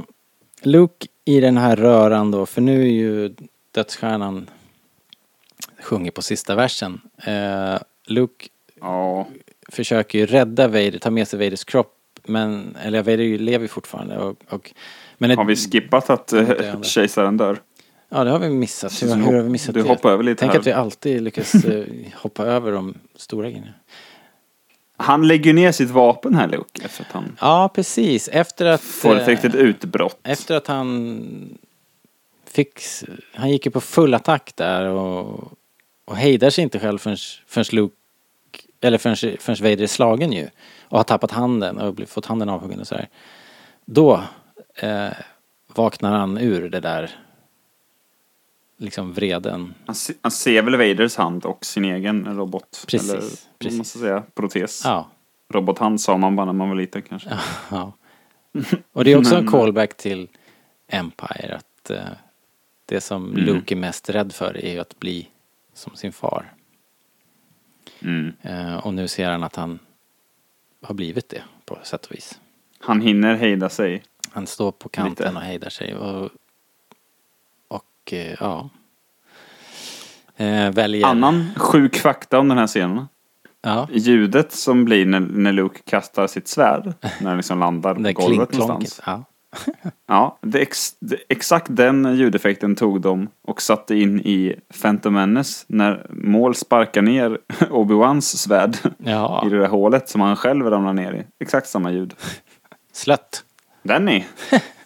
Ja, det var slött. Han blev säkert Oscar-nominerad också, den trötte jävla Ben Burt för den. Fan, fusk! Fusk. Ja, det, det är så lätt lurar man inte Oscarsakademin minsann. Tänk om två gånger med Med samma ljud. 16 års mellanrum för samma ljud. Då har man ju lurat det var systemet. det han alltså. tänkte att han skulle lura systemet. Han var ju trött på alla nomineringar. Tänkte nu ska jag skoja till det lite grann. Kolla här då. Kommer bara återanvända mig vad ljud. jag än gör. Eh, Han klippte väl dessutom Phantom Menace tror jag. Ja, det gjorde han. Han var väl mer inne på det edit, editeringsspåret. Jäkel. Han har talang den här killen. Eh, ja, hur som helst, vi, vi hade ju hoppat där. Så där det hände. Uh, Luke eh, står emot, han dödas långsamt av kejsaren. Vader står inte ut på något sätt där längre. Han orkar inte längre utan han väljer sin son. Tack och lov. Det är så starkt verkligen faktiskt. Jag tycker Det ju det. funkar så jäkla bra. Ja. Stör du dig på det här ljudet no-skriket? Eller nej, han bara säger no. Och sen tar han och slänger kejsaren. Alltså jag tror grejen är för att jag undersökte just det här för något år sedan. Vilket som var bäst. Och jag har aldrig tänkt på det innan egentligen. Jag vet inte ens om det var en sån där ändring jag märkte. När jag eh, helt plötsligt bara började kolla på Blu-ray-utgåvan efter att jag köpte den. Men när jag har kollat på båda på YouTube så tycker jag verkligen att originalet när han är tyst är väldigt mycket bättre. Dels så säger han ju no ganska högt. Ja. Liksom. Och så fortsätter ändå kejsaren så här helt ont anandes. Ja. Sen säger han no igen när han plockar upp honom. Då blir det så här. eh, Varför ska han säga det högt för? Det blir, det blir inte lika spännande helt enkelt. För han bestämmer sig tidigare när han säger det på något sätt. Eh, Och sen så är det också snyggare att han bara håller käft. ja, jag kan inte bestämma mig. Så jag, tycker, det, jag, tycker, inte det att funkar bättre utan. Jag, ty jag tycker inte det är någon stor överträdelse egentligen. Det, är Så det funkar. Jag hade aldrig gjort det. det blir tydligare men det är ju också så här att man behöver inte bli skriven på näsan. Liksom man, vad fan. Han fattar ju. Ja. Eller han gör ju det istället. Hur som helst Så blir det för mycket för Vaders eh, maskineri där och eh, eh, en redan tilltufsad Vader blir ju livshotande skadad och sen då när Luke släpar iväg honom och försöker rädda honom med shuttle, en, en rymdskyttel där så så insisterar ju Vader på att få se Luke en sista gång med sina egna ögon och den här scenen med hjälmen och och ut kommer den mest eh, horribla människa man kan tänka sig. Helt, helt trasig och eh, svullen och eh, ser fruktansvärt ohälsosam ut. Det- Vilket jävla slut alltså. ja. Eh, men Tänk att det var så det skulle sluta med Vader. Ja. Att Luke inte dödar honom utan han lägger ner vapnet, blir räddad av honom. ja, Sen får man se den här jäveln, stackars mannen. ja han liksom kommer ut, Ja, det är så jävla ut ur sitt hemska snyggt. skal. Eh, ja, det är ju, han... Eh, Anakin blir ju, får ju liksom syndernas förlåtelse här och Luke vinner hela universum och visar att kärleken är störst på något sätt och för att vara en film som heter Star Wars så är det ju ett, ett fantastiskt icke-våldsbudskap liksom mitt i alla explosioner. Ja, verkligen. Eh, kärnan i den här, många religioner men kanske framförallt i våran Church of Lucasfilm religion liksom. Eh, Ja. Jag tycker att det här funkar otroligt bra och det, det kanske inte är en unik, eh, ett unikt ställningstagande från min sida eftersom den här är världens största filmtrilogi liksom. Robert gillar Star Wars. Newsflash. Stoppa pressarna. eh, nej men eh, jag tycker faktiskt att det här är Rebellradion lovordar Star Wars. Ja, precis. Podden där vi sparkar in öppna dörrar hela tiden. Uh, nej men eh, fantastiskt ju. Fantastiskt. Och jag, jag som såg den här gamla versionen och jag fick ju också Sebastian Shaw i slutscenen. Jag tycker att av alla jävla edits så är den den mest onödiga. Jag tycker han, Sebastian Shaw kunde fått vara kvar. Ehm, Det håller jag inte med om. det är ologiskt och eh, lite tråkigt eh, tycker jag. Men, Jag tycker det är logiskt att, att Anakin vill bli ihågkommen som han var när han var jedi-riddare och inte som när han var ett lik. Fast jag tänker så här att om han vis, att, s- säg att han eh, visar sig för Asoka. Då skulle han se ut så. Ja. Men nu när han visar sig för Luke så är det ju helt ologiskt att han ser ut som när han var 20 eller 5 eller vad han är för någonting liksom. Ja, ja. Jag tänker att det liksom är, ja skitsamma, du, det skulle inte så jävla noga. Men Jag tänker att det är en sån här Ja. grej, the eye of the beholder liksom. Att, att, det, att, Ja, det, på, att det är så det skulle funka. Men, men, men vad vet jag? Tror du inte också att Anakin skäms över hur han såg ut när han var lite äldre? Jag tänker att det inte är upp till honom liksom. Jag tänker att det är på Luke, Aha, ligger aha, på du Luke. tänker så. Eh, Ah, ja, okej, då har du ju en helt annan poäng Eh. såklart. Eller hur? Eh, from, Okej, from my point. så har jag hade tänkt. Nej. Jag tänker att det är hur man framställer sig. Ungefär som när Luke projicerar sig själv. Som han vill. Han vill att Ja, eh, visst. Kylo ska se honom som super eh, jedi-legend. Men det är ju liksom, också så- fast det är också- Skywalker-svärdet. Men det är ju också så som Luke Det är inte såg samma ut. sak, men jag tänker Jo mig att men det det är är samma det, sak. för att det är ju så som Luke såg ut när, när Kylo kände honom. Fast aldrig med det svärdet har jag aldrig sett honom. Eh, nej, okej då, men i övrigt. Haha! nu då Robert? Ah, ah ja. Vad säger du nu då? Ah, ja, skitsamma. Blodsvänta. Eh, Ja, vad heter det? Du, men du, är det inte väldigt synd ändå att vi inte fick mer av Luke och Leia på 80-talet och 90-talet? Att det liksom var slut efter det här. Hade vi inte velat haft de där filmerna? nej, jag vet inte. Eller så, så här. Mera Det är äventyr? inte så att jag... Det nej, jag vet inte. Nej. Tycker vi har fått ganska mycket äventyr. Ja, jag är så jävla Alltså, det taggad när jag såg att- de här scenerna senast här. Men Är det less is more Robert? Eller vad säger man? nej, more is Det more. tycker jag är, det tycker jag är snyggt i Force Awakens. Att så här, ja det slutar lyckligt men sen sket sig. Skilsmässa och depression. Ja. Att det humaniserade så jävla snyggt. Det tycker jag är vågat och snyggt med Force Awakens. Är, Men alltså herregud, vi har inte, vi har inte, jag tycker vi har pratat för lite om kejsaren. Vilken, vilken jävla, alltså all, allt i tronrummet.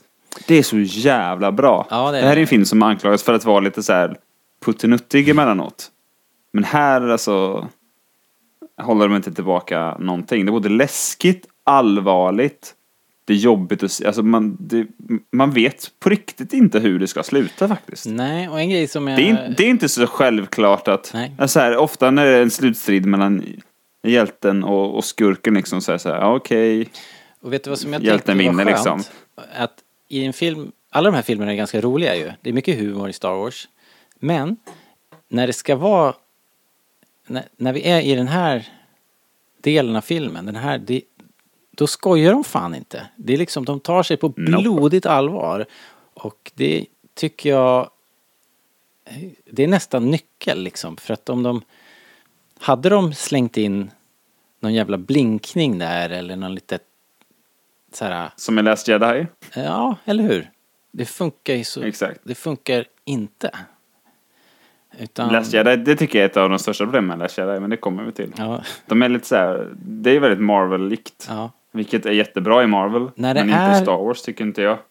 När de är i en situation där man, där man ska liksom eh, få publiken att eh, leva sig in i, i en situation som är där allting står på spel liksom. Då kan man inte, då kan man inte avbryta det med en one-liner liksom. Eh, jag tror inte det i alla fall, jag, inte, jag tror inte det hade funkat i den här filmen alls. Det tror jag hade liksom sänkt det här skeppet totalt. Utan det är så skönt att det här är, det här är på dödligt allvar hela vägen. Det, det tycker jag är, alltså, eh, det kan man säga om alla, eh, eller hela originaltrilogin. Mm. Alltid, de känner inte ett behov av att vara roliga hela tiden. Men, men, men och det är väldigt skönt, för det är ofta roligt ändå. Mm. Men det har ofta med att göra att, att situationen är rolig, det. att karaktärerna är roliga, att, att det liksom är en kul dynamik, Det en kul bygger inte situation. på one-liners utan det är mer... det är inga one-liners, det är inga, liksom, inga bits som görs. Eller, Nej. det, är- det, är inga, det är inga komiker som liksom har eh, liksom improviserat fram. Nej. En kul Och det grej kanske är där som Ryan Johnson gick i, i lite snett liksom. Gick lite loss. Ja, och även de, jag tycker de nya filmerna överlag har lite felplacerad humor. Eh, ja, emellanåt i alla fall, helt klart. Ja, i alla fall. Det Men jag tycker, det är, jag tycker det är bra. Det känns, jag som du sa, det känns på, på allvar och på riktigt. Ja. Ja, men det är high stakes. överlag tycker jag den här, När det är high stakes Ja, så ska det få vara det liksom.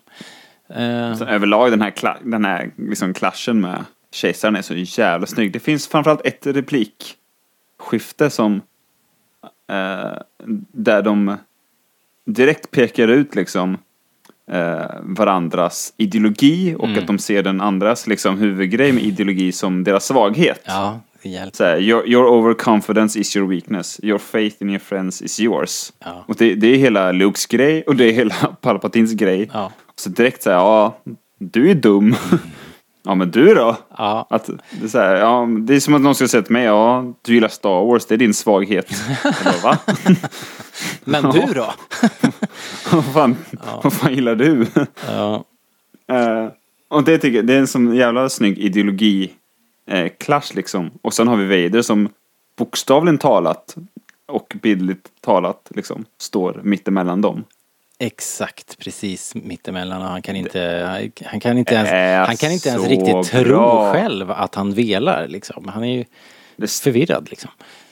ja, och det slutar med att Vader återigen står mellan dem och verkligen tittar på den fram och tillbaka innan han bestämmer sig. Ja. Har inte Lucas sagt någon gång att hans ambition med Star Wars är att man ska kunna titta på bilderna och lyssna på musiken och fatta storyn ändå? Det här är verkligen ett superexempel på det. Jo, han har sagt flera gånger att det, att det är som en stumfilm. Eh, och, det är så bra. eh, och så är det ju inte riktigt men det, är- det är ju fantastiskt bildspråk alltid och det, är, det har ju du sagt också förut att det är ju det är ju liksom George styrka och ingen tvekan om den saken för dialog är ju inte hans grej. Men, men i den här fallen så är dialogen eh, bra. Jag tycker filmen överlag är väl skriven liksom. Märkligt nog. Är, är det inte det här, den här sista akten nästan bland det bästa Star Wars har gjort någonsin? Jo, det är det. Och det, Det här är ju, det här är ju Jag den här sista akten tycker jag är bättre än allt i Empire. Empire är en bättre film. Ja. Men den här sista akten tycker jag slår ta mig fan allt. Jag alltså. tycker inte att... Jag vet att vi Eller har röstat fram Empire men den jag- sista jag uppgörelsen. den- Så här nu när vi har sett de här tre så tycker jag inte att Empire kan vara den bästa filmen. Det är omöjligt eftersom den är så otroligt mycket en mellanfilm liksom.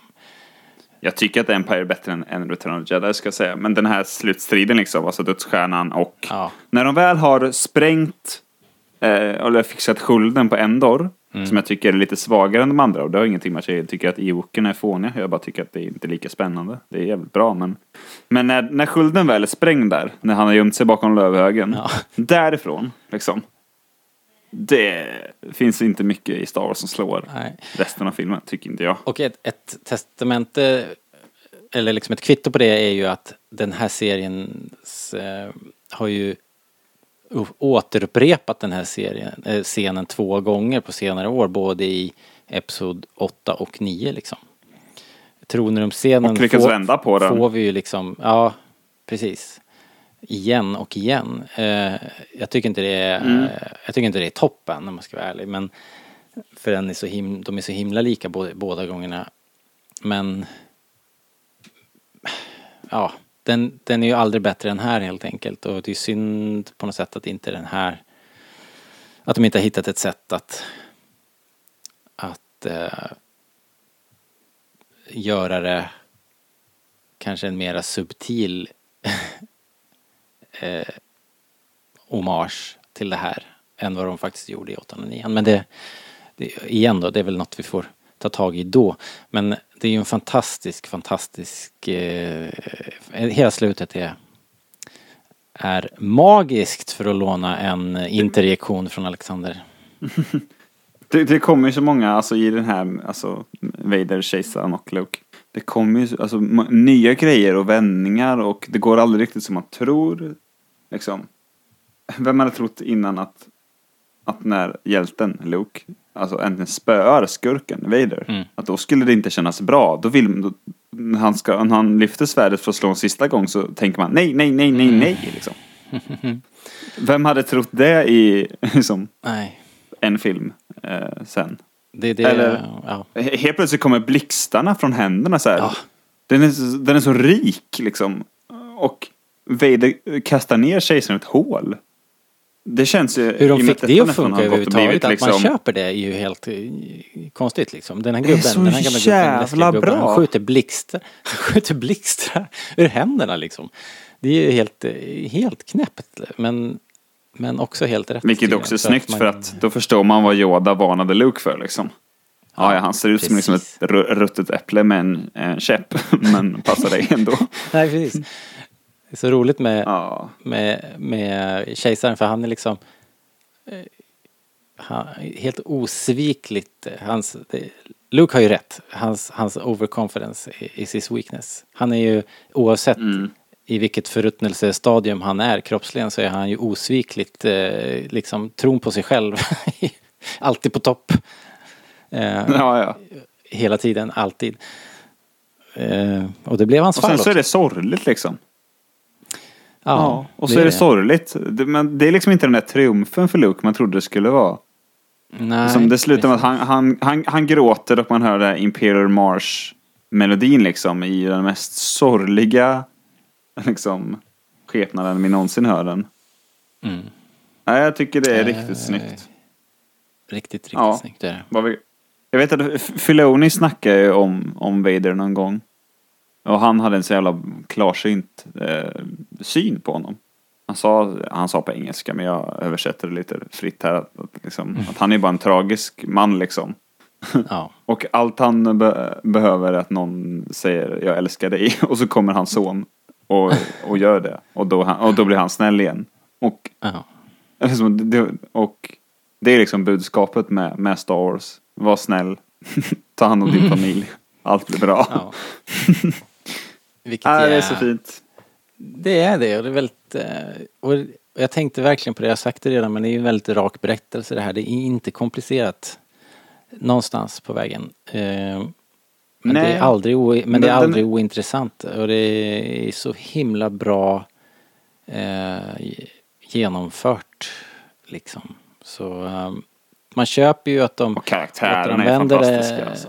Karaktär, ja det är ju det som är grejen för att de återanvänder ju dödsstjärnan och de Ja men det är ännu ett anfall med i samma stakes liksom. Men man köper det med hull och hår. Eh, därför att karaktärerna tar det här vidare till nästa nivå. Och, ja, det är riktigt, riktigt jäkla nice. Jag, det är ju inte som att vi måste sätta något betyg på den här filmen, känner jag. Jag älskar den här filmen och jag misstänker att jag kommer sitta och se Ja, den här på ålderdomshemmet liksom varv efter varv. För att det, för mig När du så ser blir det inte så mycket bättre liksom. Ja, förhoppningsvis liksom.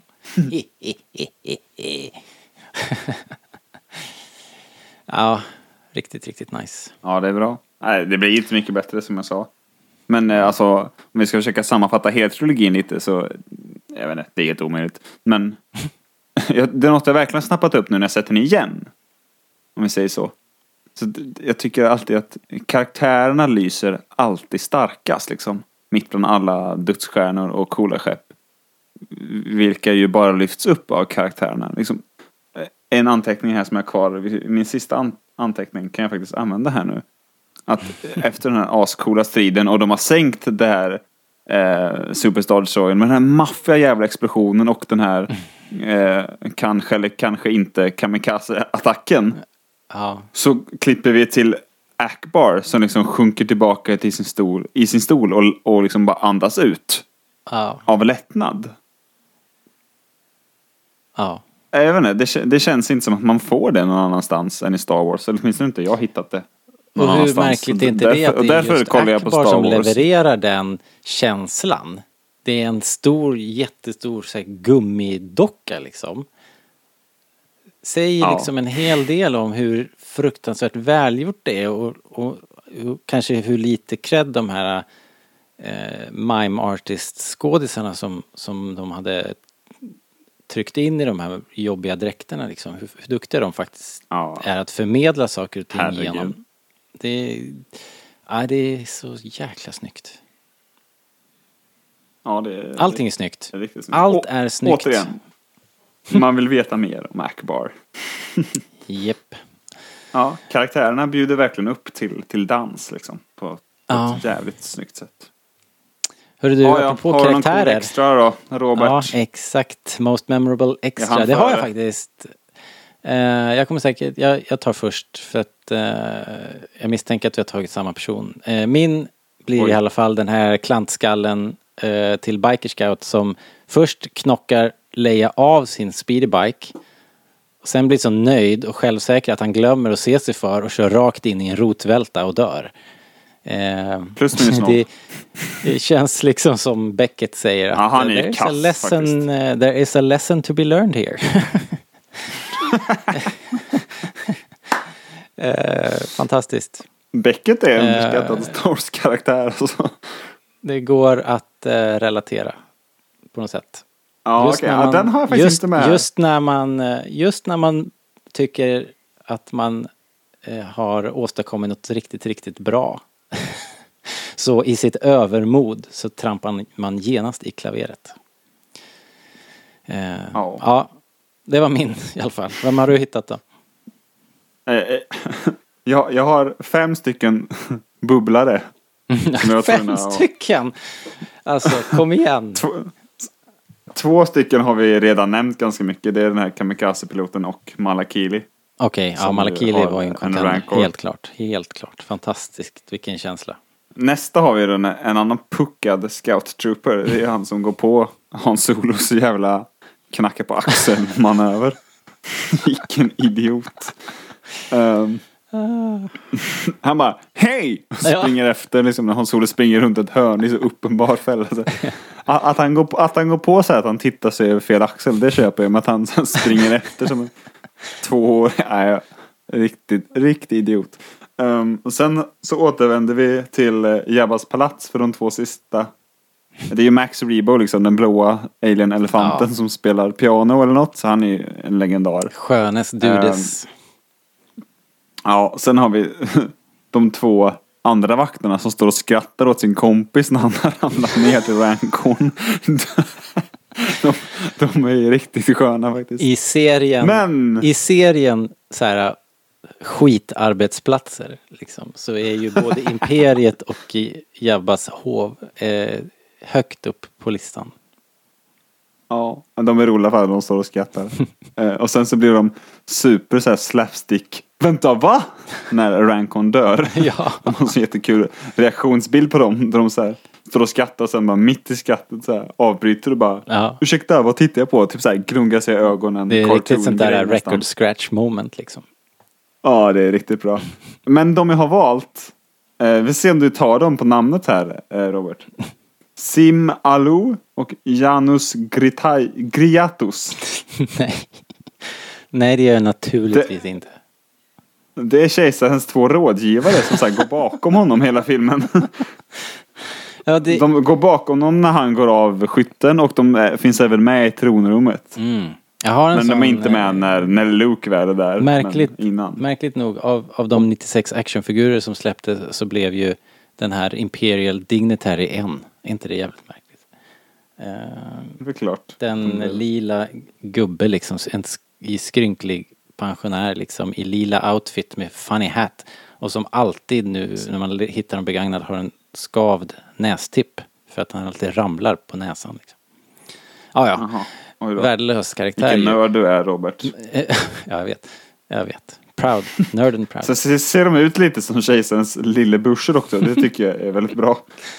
Eh, men det är också eh, så himla schysst att de är där och bara smyger omkring liksom för att det gör ju honom, hela, hela entouraget är så jävla creepy när han kommer av på dödsstjärnan där. Det, är, det liksom ökar ja. ju bara creep-faktorn. Och de kommenterar sig nästan aldrig. De Nej, finns nej, verkligen med. inte. De får något direktiv sådär som man inte hör någon gång tror jag. Och det, De är och det faktum att du kan plocka fram namnen på dem här från Wikipedia eller vad det är. Jag antar att du inte kan det där utan till. Hoppas inte det. For the love of God. Jo. Så är det ju, Man får skruva upp volymen så hör man vad de viskar. så är ju liksom Jag skojar bara.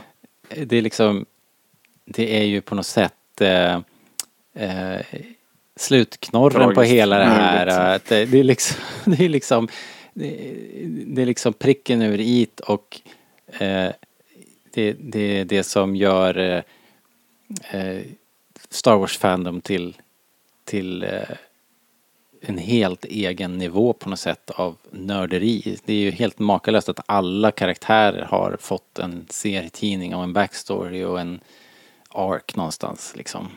Till och med de här Jag lyssnade gubbarna. på någon... Ja, jo. Jag lyssnade på någon podd eller något någon gång som pratade om just det här. Mm. Jag vet inte om det var i Return of the Jedi eller om det var originaltrilogin i stort kanske. Men som ställde sig frågan att är det här liksom fandom föds Ja. med Star Wars?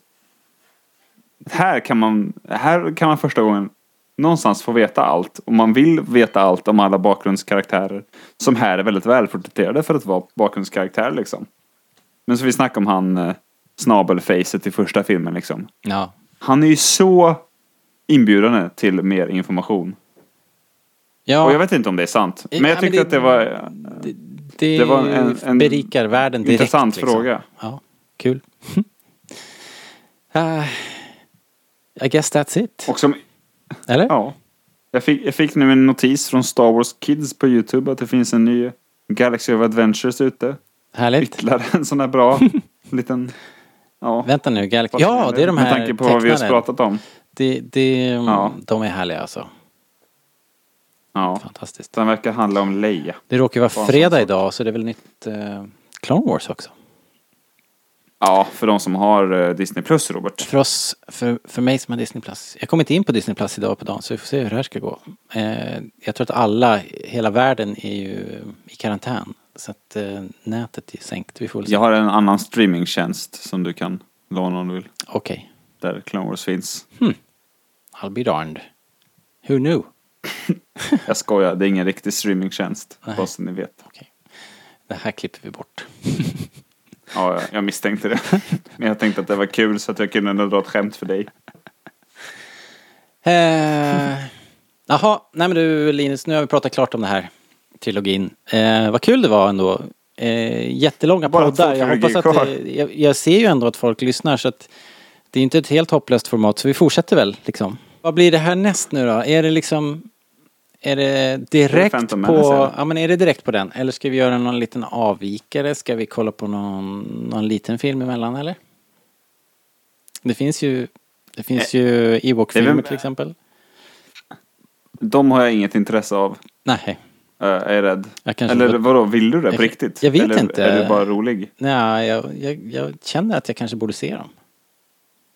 Alltså jag känner också att jag borde se dem, men jag vill inte avbryta den här fina streaken med två antagligen jättedåliga filmer. kan inte de få ha en egen liksom? Eh, Holiday en Special egen och feed. eh, Ewok-filmerna. Ja, det här får vi bråka om sen då. Vi får väl se hur det blir. Vi kommer tillbaks i alla fall och eh, Antingen Caravan of Courage Det eller, kan något, bli- ja. eller Phantom Menace. stay tuned. Tväraste kasten någonsin. Eh, Ja, ja. Det kan bli Rogue One också. Det vet man inte. Men du, eh, tack för idag i alla fall. Jätte, jättekul. Det var extra kul att prata om den här filmen tycker jag. Jag inser ju nu eh, med facit i hand att det här är min favorit och eh, Va? Är det så? Ja, eh, jag, Oj. jag känner mig, har väldigt varma känslor för den här filmen. Så att, så Min favorit är ju New Hope. Ja, men den är ju, ja, det är ju svårt, svårt att lista dem. Men, men jag, jag känner ändå nu när vi har gått igenom dem att den här är speciell för mig. Helt klart. Helt klart.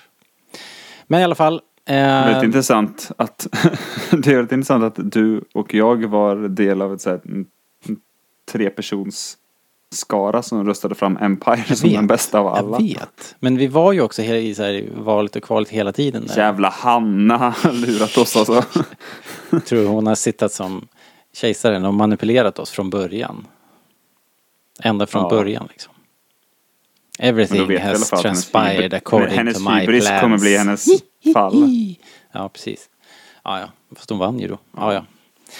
Eh, Ja, men nu, måste vi, nu måste vi runda av det här. Nu får du sluta prata munnen på mig annars kommer vi liksom sitta här i två timmar till. Eh, jag har tid. Jag sitter i karantän. Ja. Eh, precis, vi går direkt på nästa, nästa podd bara.